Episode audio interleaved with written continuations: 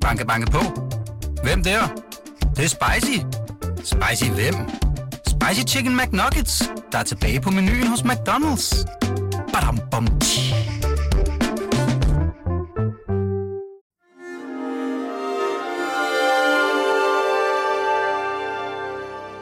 Du lytter til Avistid, en podcast fra Weekendavisen.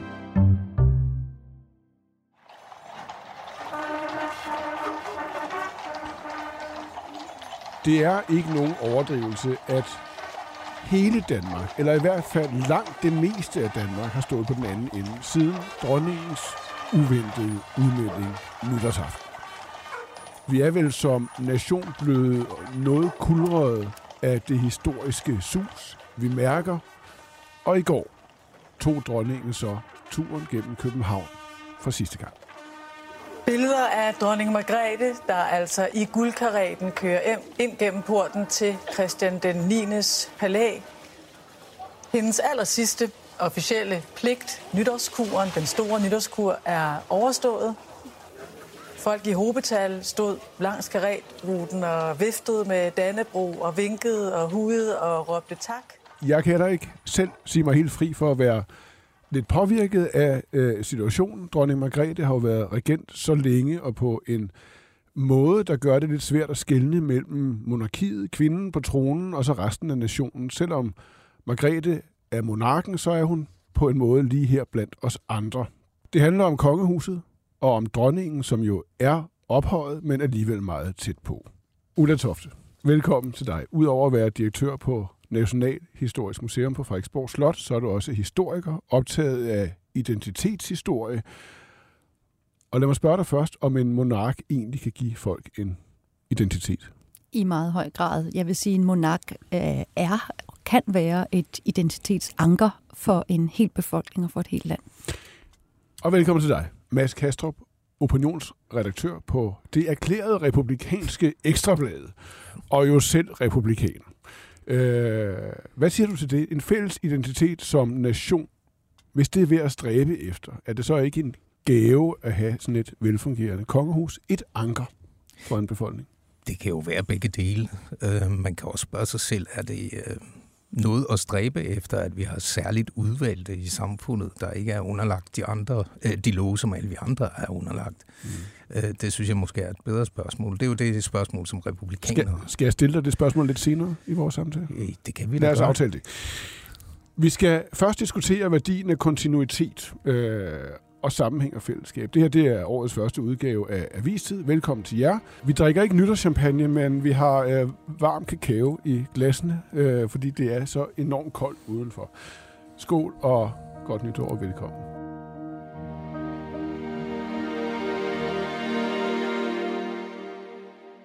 Ulla, på Frederiksborg Museum, der hænger portrætter af alle de kongelige op gennem historien.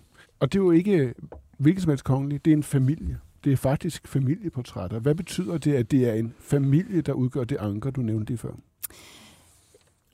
Det har øh, til en vis grad betydning, at det er en familie, men først og fremmest så betyder det noget, at, at der er kontinuitet. Øh, kontinuiteten, den kan man sige, går meget langt tilbage, men den starter i virkeligheden først for alvor øh, i 15-1600-tallet, da man begynder at øh, kan man sige, bevæge sig hen imod det, vi kender i dag, nemlig at blive et arvekongedømme. Det bliver så, øh, kan man sige, lovfæstet med kongeloven i 1660.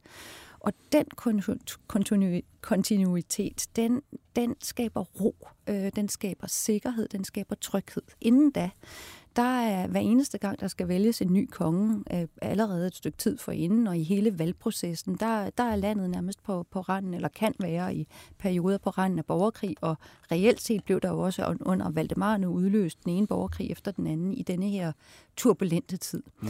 Så det forudsigelige, altså det nedarvede, som du opponerer imod, øh, Mads, øh, det nedarvede skaber den, øh, den mulighed for at være tryg som folk og som nation, og i virkeligheden også øh, senere hen som at have en, en administration, et øh, byråkrati kunne vi kalde det, der fungerer og understøtter os alle sammen, vores samfund op gennem øh, tiden til grundloven, og faktisk også helt op til i dag. Hvordan ser du konkret, nu bruger du meget positive ord som øh, tryghed. øh, og tillid.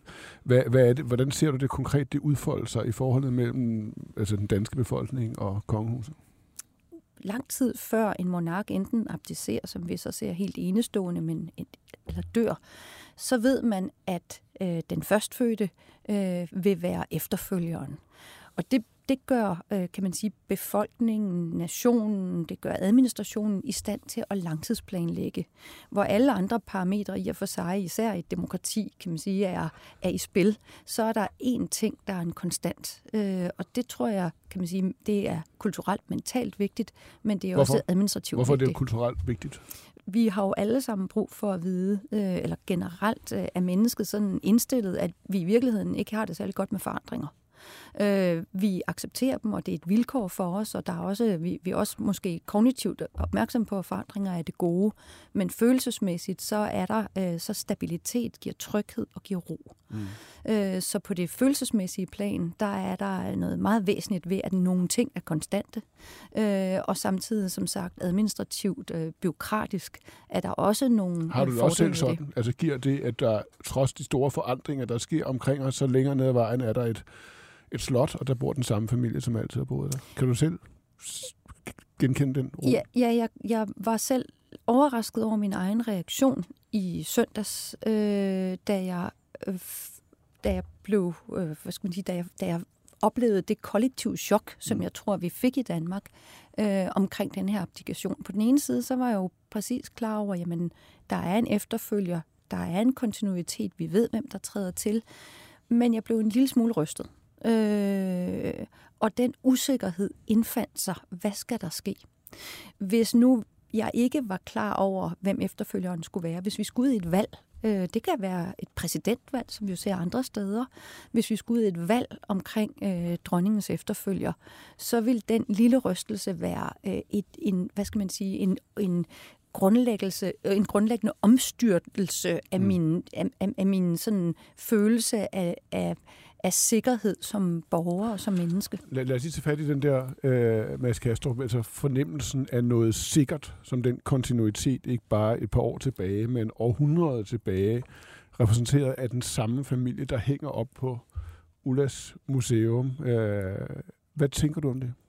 Jamen, jeg tænker, at øh, jeg forstår udmærket, hvad, hvad Ulla siger, og jeg godtager også dine argumenter for, at tilbage i tid har der været brug for en eller anden form for kontinuitet. Øh, men siden vi indførte demokratiet, siden vi fik grundloven, siden Frederik den 7. måtte aflevere, øh, fordi det nok var det klogeste, så han ikke fik kappet hovedet af, ligesom man gjorde visse andre steder i Europa.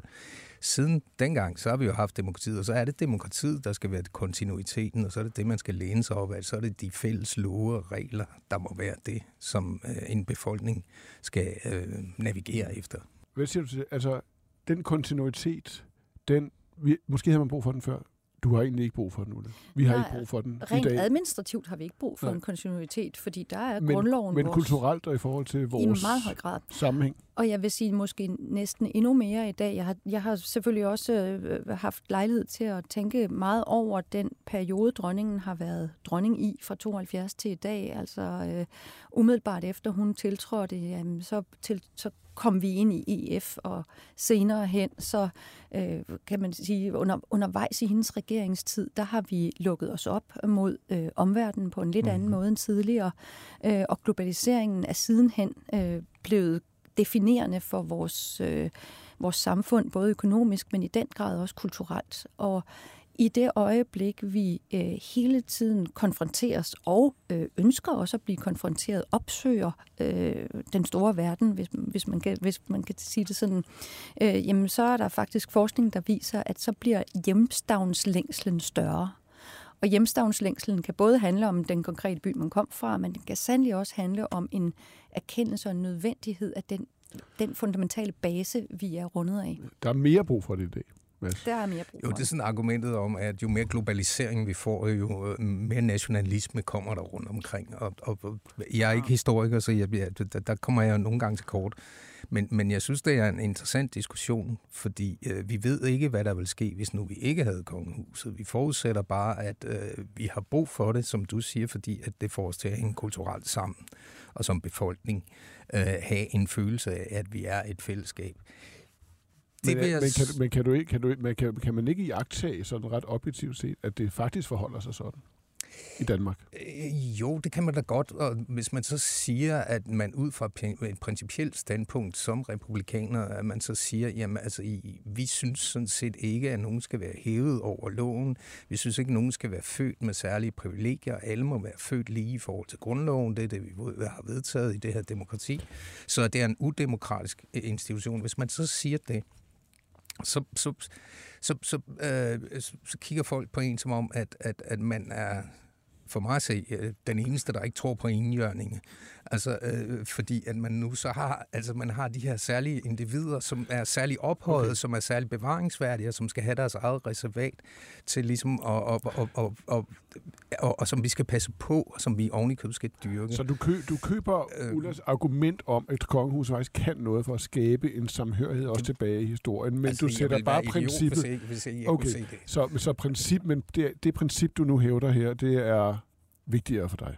Det er ja, det, det, du siger. Præcis. Nu bliver vi nok nødt til at snakke om det, Ulla. Hvad siger du til det? Altså, det er udemokratisk. Grundlæggende udemokratisk. Det strider imod vores grundlæggende værdier. Der, det her det er jo ikke den eneste udemokratiske institution, vi skal forholde os til som mennesker, som danskere.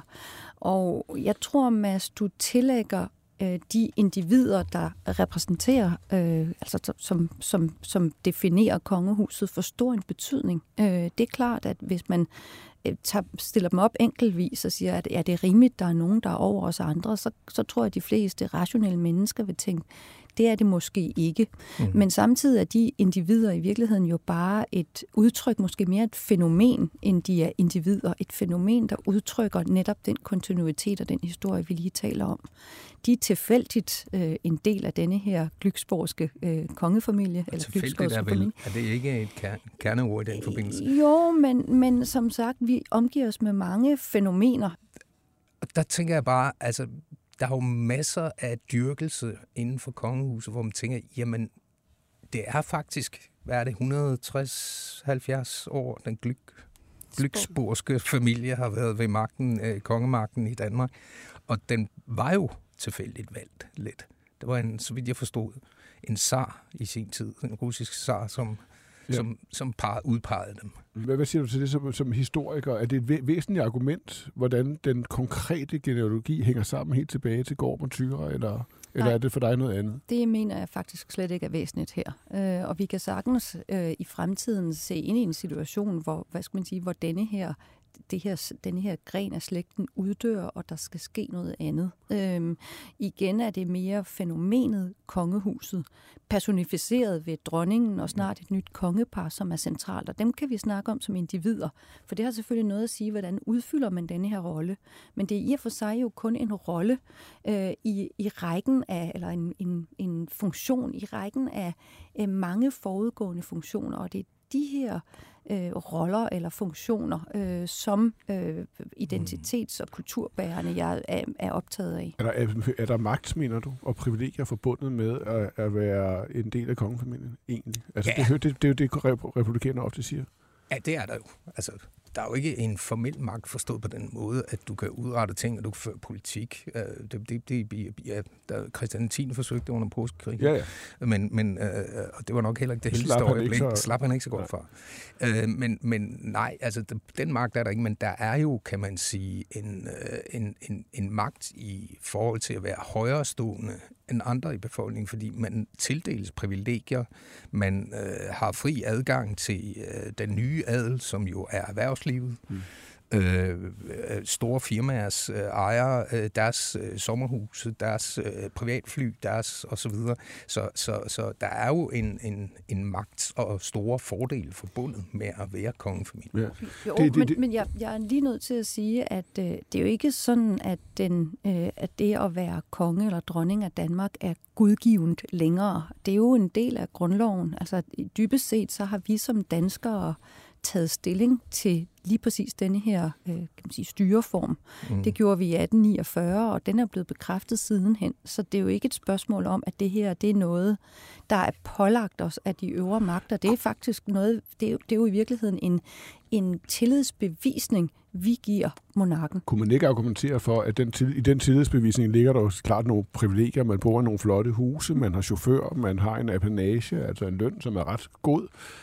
Men, men i det ligger også, at man påtager sig nogle pligter, der får, får de der privilegier til at falde ret meget sammen. Altså, det er ekstremt ufrit. Det er ikke noget, man sådan direkte selv vælger. Man øh, lever et liv, der på forhånd er givet det er helt klart for nærmest alle dem, der er født ind i det her, en meget stor byrde. Det kan vi jo se selv på vores egen velfungerende, ret velfungerende, altså relativt set for en kongefamilie. Så i hele taget tale om det som et særligt øh, udemokratisk privilegium, altså det jo forholder sig vel nærmest lige omvendt. Altså det er en stor byrde at blive født i den, den familie, og man gør os andre en stor tjeneste, og det kompenserer vi så ved nogle fine huse. Ja, altså hvis jeg skal oversætte det, du lige har sagt, Martin, til, øh, til ekstrabladssprog, så det du siger, det er, at det er synd for den at, øh, fordi det er en kæmpe opgave at tænke sig at have den, og, øh, og derfor så skal de også have lov til jeg at have noget Jeg ved ikke, om det er synd, men, det, ja, altså, øh, men, men hvis, du vil, hvis, hvis du vil udtrykke dig lidt top tabloidt her, øh, her det, det var et forsøg på at så velkommen, velkommen, ja, så siger jeg ja. Altså, jeg synes, jeg synes det er en meget, meget stor opgave, de påtager sig, ja, som jeg helst selv vil være foruden. Det må jeg sige. Ja, det vil jeg da sådan set også selv. Det er ikke, fordi jeg misunder den på den måde. Øh, det er sådan set det principielt usunde i at have en udemokratisk institution på den måde, som vi har. Men hvor ser du, øh, hvordan, for, hvordan kan du se det? Hvordan udfolder den usundhed så omkring det? det, det, omkring det? Jamen, det gør den jo ved det sammenspil, jo, som er meget øh, uigennemskueligt og for de fleste mennesker abstrakt, men vi ved, det er der, øh, mellem kongemagt og øh, erhvervsliv, og, du, og tror jeg sådan set også, og nu bliver jeg konspiratorisk, det er jeg godt klar over, øh, en, en, en, den politiske verden. Altså, der, der foregår ting, vi andre ikke har indsigt i, fordi at det tilhører en klasse, en elite i det her samfund, som sådan set øh, spiller efter nogle regler, vi, vi andre ikke rigtig kan gennemskue, og som vi ikke har styr på. Så, Tror du, så, dronning Margrethe har udøvet sådan en skjult magt, politisk magt over os? Øh, Nej, det tror jeg måske ikke. Altså, men ja, altså, der er jo mange ting, hvor man tænker, øh, de store fonde i det her land, vi har nogle virkelig store fonde med mange, mange, mange milliarder kroner i. Ikke? Altså, øh, jeg tror, det er vigtigt for dem, og det er erhvervslivet, det er det gyldne erhvervsliv, som jeg kalder den nye adel. Jeg tror, det er meget, meget vigtigt for dem, øh, hvis de vil smide nogle milliarder efter noget i samfundet, mm. hvad de jo gør er til, øh, så er det jo ikke nok at have den der øh, messingplade på bygningen. Øh, så er det også forudsat, at, øh, at de kongelige møder op for øh, at indvide det og, og så videre. Ikke? Altså, så, så der sker nogle ting, som ikke nødvendigvis er rationelle på grund af, at vi har et øh, repræsentativt monarki. Der sker rigtig mange ting, som ikke er rationelle, og det er måske netop det irrationelle, der også er helt centralt øh, mm. for vores, øh, kan man sige, følelse, for, for at vende tilbage til det, som Martin indledningsvis spurgte om, hvorfor er det vigtigt, altså hvad, hvad, hvorfor er det vigtigt for vores identitet at have et kongehus? Øh, der, der er noget formelt, det, det kan man sige, det, det forsvarer jeg, men der er i den grad også det irrationelle, det følelsesmæssige, alt det andet. Mm. Øh, og det tror jeg i hvert fald den nuværende monark, dronningen, har været i meget høj grad repræsentant for, øh, fordi hun har hun har formået at give kongehuset nogle andre værdier øh, og, øh, og tillægge det nogle, og, og, hvad skal man sige, udfylde en rolle, øh, som har været langt mere end det rent formelle. Øh, ja. Og det er også min øh, forventning, at det kommende kongepar lige præcis formår det. Og det er først, når vi får det her ekstra lag på, øh, det menneskelige, det irrationelle, det uforudsigelige, det følelsesmæssige, at det, hvad skal man sige, det for alvor bliver mm. øh, det identitetsanker, som øh, kongefamilien altid har været Det er jo også det, man, altså på en måde har jo begge to ret, fordi det, man altid har sagt, i, eller særligt, altså britiske jagttager af, af kongehuset har sagt, i århundreder, det er jo, at man, altså, der er grænser for meget, man kan gennemlyse det her fænomen. Mm. Altså, hvis man gør det, så falder, tror jeg, de siger i England, sommerfuglestøvet af. Ja. Ikke? Altså, så, så hvis du vil det, du vil, Mads, og have det, så kan man slet ikke have et kongehus. Men det så forsvinder der også en del magi fra vores ja. måde at være sammen på. Altså, det sjove ved det er, at dronning Margrethe holder den der nytårstale, og lige pludselig siger hun så, ja, jeg går af. Øh, og, og så sidder man der. Jeg sad, og så tænkte jeg, hold da op, nu, bliver, nu skal jeg på arbejde. Mm. Ekstrabladet er det eneste erklærede republikanske medie i Danmark. Øh, samtidig så har man en monark, som erklærer, at hun går af. Og hvis man ser på, så i den anledning, så kigger man selvfølgelig på, når man, hvordan har det så været i hendes regeringstid, øh, i situationstegn. Øh, og der må vi jo så medgive, fordi jeg, jeg tænker, når jeg kigger på tallene, så er det jo helt vildt, hvor dygtig hun har været. Og det er vi nødt til at skrive. Vi, vi, vi er jo nødt til at anerkende, at dronning Margrethe har været fantastisk for øh, det danske kongehus. Da hun kom til i 1972, der var der opinionstal, som sagde, at der var øh, cirka 40 procent republikanere i Danmark, og der var 42 procent monarkister, og så var der nogle tvivlere. Øhm, og, og, nu har vi nogle tal, som siger, at vi ligger i hvert fald over 70, øh, som er øh, ubetinget øh, tilhængere af det, af det repræsentative monarki i Danmark. Og, og den præstation er jo ret unik, og den må man anerkende. Øh, så det er ikke sådan, at vi sidder på Ekstrabladet og tænker, at vi får en republik her øh, i løbet af kort tid. Men det viser jo om noget, og det synes jeg er interessant, hvis vi bare skal tale om, hvordan man ser på det hele det viser, hvor, hvor, hvor øh, hvad hedder sådan noget, hvor volatilt, altså mm. hvor, hvor, hvor, øh, hvor meget det kan ændre sig i løbet af egentlig ret kort tid. Øh, folkestemningen kan vindes øh, både den ene og den anden vej. Og det vil sige, at øh, kronprins Frederik, som så bliver konge, øh, kong Frederik den 10., han træder nu ind. Og så skal han jo så, han skal jo sådan set opbebære en næsten umulig succes. Altså, han kan næsten ikke andet end tabe.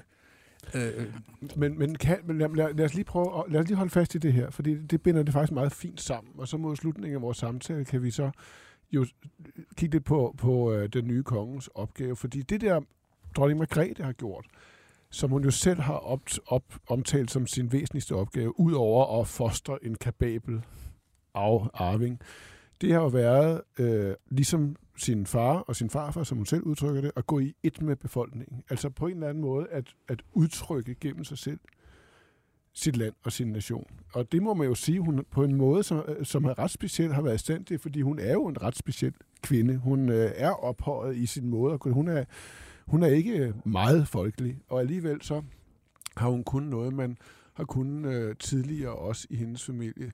Øh, prøv lige at høre, hvordan Mogens Witt i filmen om Frederik 9. omtalte kongen i 1952. Vi kender vores konge. Vi kan lide ham. Han lever ikke blot i høje sale. Han går imellem os, og han kan tale i vores eget sprog. Og han kan smile. Det gør en ligesom dejlig, tryg ved manden. øh, og det, på en måde har dronningen jo også kunnet det. På sin egen måde. Øh, hvad er det for en opgave, der nu venter den nye konge? Altså, med de forventninger, der ligger, og, med det, og lige præcis det her, som, som, som de fleste danskere og undersåtter jo mener, at netop det danske kongehus og monarken her i landet skal kunne, nemlig både at være ophøjet og meget tæt på os. Hvad er det for en opgave? Jeg synes jo netop, at dronningens timing i forhold til denne her abdikation er helt central for at forstå det, du siger. Hun har haft en ambition om at gå i et med befolkningen. Det kan man kun gøre, så længe som man, hvad skal man sige, er, som, så længe som man selv oplever en resonans mellem sig selv og befolkningen. Lige nu, der, der har vi sådan en balance, hvor hun måske øh, hvad skal man sige, hvor hendes evne til det vil, vil tage af. Og han er lige præcis der øh, på, i kvæg sin alder, sit ægteskab, sin børns alder, hvor han repræsenterer befolkningen, hvor der er en genklang. Så timingen kunne ikke være bedre, og jeg er ikke i tvivl om, at det vil han være i stand til. Og lige præcis fordi han er anderledes øh, end hende, øh, så vil han også tegne en fremtid for kongehuset. Du er nok mere i tvivl om, han kan, de kan, det nye konge bare leve op ja, til det, det. det, det må jeg så sige. Altså, altså, så stor tillid har jeg så heller ikke øh, til, til, til, Hvorfor til hans. Jamen, fordi jeg tænker, altså, vi har, vi, det vi har fået nu, det er jo sådan, det, altså, moderne tid har vi fået det personligt gjort af monarki. Det er også derfor, at dronning Margrethe kunne løfte det danske kongehus så meget, som hun har, via sin egen person, og ikke via andet. Altså, det var ikke, fordi hun ikke havde modstand undervejs. Hun havde en mand, der gerne ville være kongen, for eksempel. Altså, øh, og og, og det, det var jo meget festligt for os tabloider. øh, øh, og, og, og nu får man så en kernefamilie, som du siger. Ikke? Øh, og, og, og hvad er øh, en, en, et kongehus opgave? Det er vel, altså et kongehus skal samle, det skal ikke skille. Det skal, det skal lave familiealbum. Øh, hvorfor, det, hvor, hvorfor er du i tvivl om, at, at, at det nye kongepar kan Jamen, altså, opgave? i Madrid for eksempel. Mm. Øh, altså, der er ikke plads til svigerture, der er ikke plads til svingærner. Øh, der skal ikke meget til at vinde en befolkning. Der skal ikke meget uro til. Det har vi set i andre lande. Øh, der var jo også et... Øh, en... så, så det, du siger, er selv i det der meget populære kongehus, selv der, hvor vi er meget tæt på kongehuset og monarken, der er nogle forventninger, der vil være umulige at indfri for ja, normale mennesker. Der, det, vil det, være, der vil i hvert fald være et krav om at være øh, fuldstændig uplettet og fuldstændig uangribelig moralsk, med mindre at du kan svinge den over til at sige, om det er også synd. Ja. Øh. Det er jeg ikke enig i. Altså, hvis vi spoler et par generationer tilbage på Frederik den 9., så var han, øh, han har sagt, ved Gud heller ikke moralsk uantastelig eller uangribelig på, på, på nogen måder. Øhm, og øh, jeg tror måske endnu mere i dag, der øh, lige så vel som vi hylder det autentiske lederskab. Øh, det vil sige, en leder i dag skal ikke være en glatpoleret facade, det skal være en, en, en rigtig person, der også har sine op- og nedture, måske ikke i, i så stor grad, eller så de op- og nedture er ikke lige så tålt i en kongefamilie, men man må bestemt gerne være et menneske med de fejl og mangler, vi som mennesker har, øh, og de lige præcis øh, det, at man ikke emulerer sin mor, eller er lige så perfekt, eller lige så veltalende, eller kunstnerisk øh, interesseret, hvad ved jeg, det bliver der nærmest i dag hos de fleste opfattet som et plus. Må jeg spørge til sidst, kunne det være institutionen, som jo man jo hele tiden har med at tale ned, fordi at man taler Margrethe, dronning Margrethe så meget op, altså velfortjent, som selv republikanerne over på Rådhuspladsen mener, men kunne det være, at institutionen viser sig at være faktisk at være stærkere end den, der tilfældigvis sidder inde på Amalienborg lige nu i disse årtier? Altså ingen havde vel forventninger til, at Prince Charles kunne blive en stor konge. Han er mega populær. Han, han gør det, synes jeg jo, at som aldrig har været en stor fan, ret godt på en egentlig lidt overraskende, sådan lidt nørdet, men ret varm og tilstedeværende måde. Kunne man ikke forestille sig, at institutionen gør den, der nu sidder som monark, i stand til at være monark på netop sin måde. Ja, du kigger meget på mig, du mener, jeg skal svare på den. Mm. Øh, man kan forestille sig alt, og det, også, Prøv det, og, og også ja. det kan man ja. forestille sig, ja. det er selvfølgelig rigtigt. Øh, øh, vi får se, jeg er jo nødt til at svare. Mm. Øh, hvad angår Charles i øh, England, der må jeg også sige, altså hvis vi sagde, at det var en fodboldkamp, så har han altså kun været på banen i to minutter. Ikke? Jo, øh, så, det er jo de vigtigste så, minutter i en fodboldkamp. Det, ja, hvis man scorer, det er ja. rigtigt. Men, men, øh, øh men jeg, ja, altså, jeg jeg kan godt se den konklusion, du søger hen imod. Jeg synes bare, at det hele tiden altså, er i spil, og jeg, jeg vil ikke konkludere, at institutionen er øh, nok i sig selv, at den er stærkere end individerne. Jeg tror faktisk, at vi nu har vendt den rundt, sådan at vi har en medieoffentlighed, blandt andet med sådan nogle aviser som den, jeg repræsenterer, øh, hvor at, at, at det bliver det personlige, som bliver afgørende.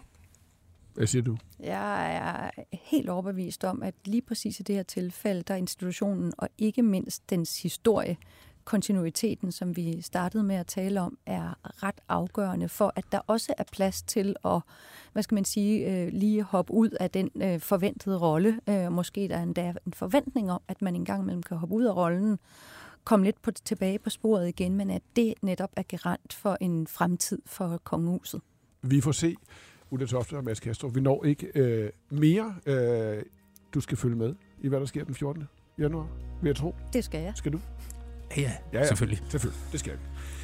Tak for at lytte med til denne første udgave af øh, Weekendavisens Avistid. Vi når det fra TV2, og det er tusind tak for det. Det var Birgit Nielsen Petersen, der tager ret og produceret. Jeg hedder Martin Krasnik. Godt nytår.